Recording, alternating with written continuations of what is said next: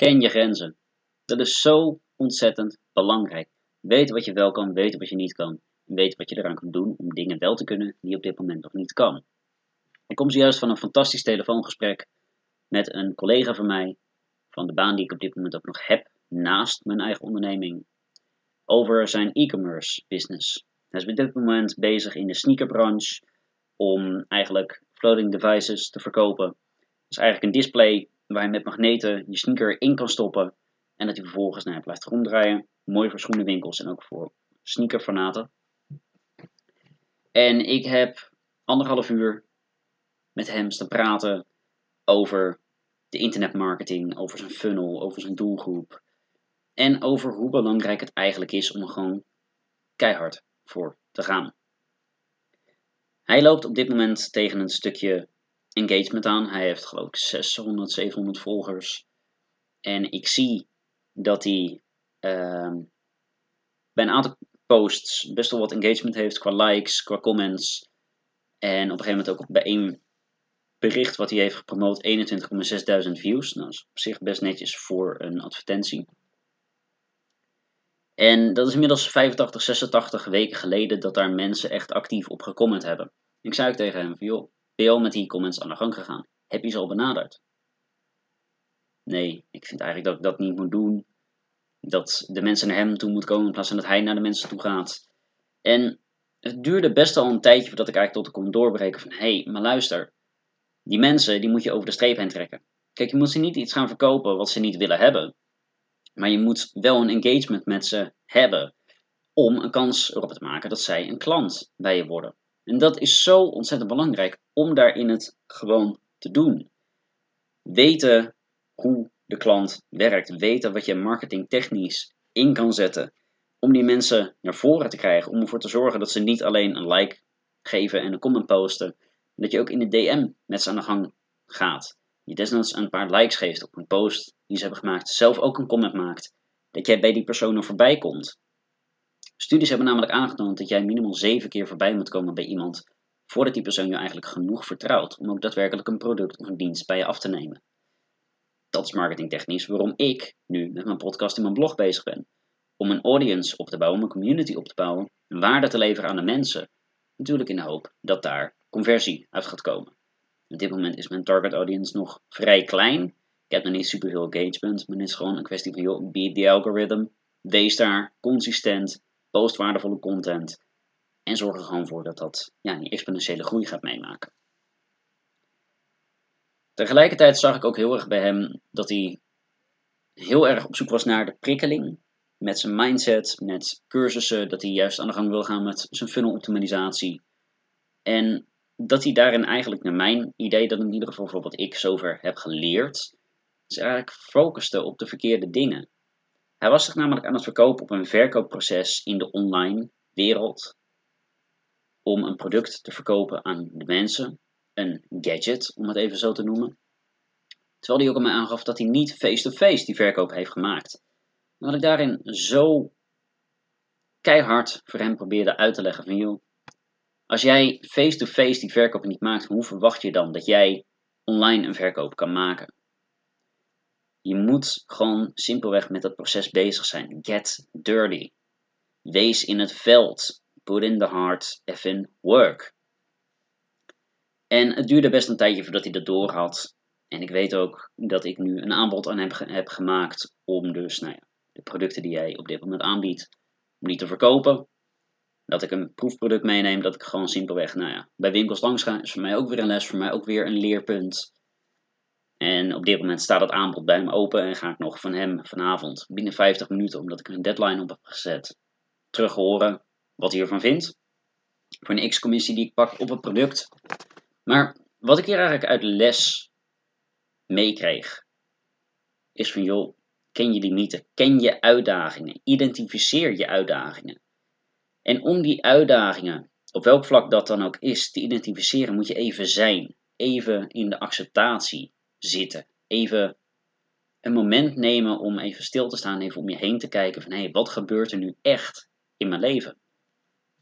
En dat is moeilijk, dat de maatschappij en dat ook ik en waarschijnlijk ieder ander om je heen Je pusht om continu verder te gaan, door te gaan, sneller, beter, sterker te worden dan dat je ooit was. Maar af en toe is het juist zo belangrijk om even stil te staan. En dat is zowel met bedrijfsvoering zo als op persoonlijk vlak zo. Ik was eergisteravond weer een prachtige meditatie tegemoet gegaan. S'avonds een uurtje of tien, ik zette mijn kaarsen aan, ik zette meditatiemuziek aan en ik ging in mijn badkamer zitten, onder de lekkere warme douche. Even compleet in het moment zijn, compleet die rust, in die volwaardige acceptatie te zitten. Even om me heen kijken van hé, hey, waar sta ik nu? Waar ben ik trots op? En waar wil ik in groeien? Wat zijn mijn uitdagingen op dit moment? En dat gun ik jou ook. Dus alsjeblieft, ga met jezelf de commitment aan. Dat je eens in de zoveel tijd, en dat hoef je niet consequent te plannen, maar dat je eens in de zoveel tijd gewoon even stilstaat. Even je vlammetje wat zachter zet. Even wat meer de rust neemt voor jezelf, de acceptatie aangaat van wat is en wat nog niet is. Wat gaat zijn en wat niet gaat zijn. Zodat je vanuit daar, vanuit een heldere geest, weer verder kan. Dat je weer erachter komt van hé, hey, dit zijn nu de volgende stappen die ik ga zetten. Dit zijn de dingen die op dit moment niet werken. Die laat ik daarom los of ga ik aanpassen zodat ze wel werken. En dat gaat met deze resultaten opleveren. En nu hoor ik je natuurlijk denken: wat kan ik dan doen om achter mijn uitdagingen te komen? Het is heel simpel, stel jezelf de vraag: wat zijn mijn uitdagingen? Laat jezelf daar een antwoord op geven en dan blijf je doorvragen. Vijf keer doorvragen en je komt bij de echte oorzaak van je uitdagingen, van je problemen die je op dit moment in je leven ervaart. En zo zal ik jou nu een voorbeeld aan gaan geven. Wat is nu een van mijn uitdagingen? Dat ik op dit moment gewoon niet superveel coachingcliënten heb. Waarom heb ik nog niet heel veel coachingcliënten? Omdat ik voor een lange periode niet hard genoeg bezig ben met het actief verwerven van coachingcliënten. Waarom was ik daar niet mee bezig? Omdat ik andere prioriteiten dacht te hebben en simpelweg te lui was. Waarom was ik te lui en had ik andere prioriteiten?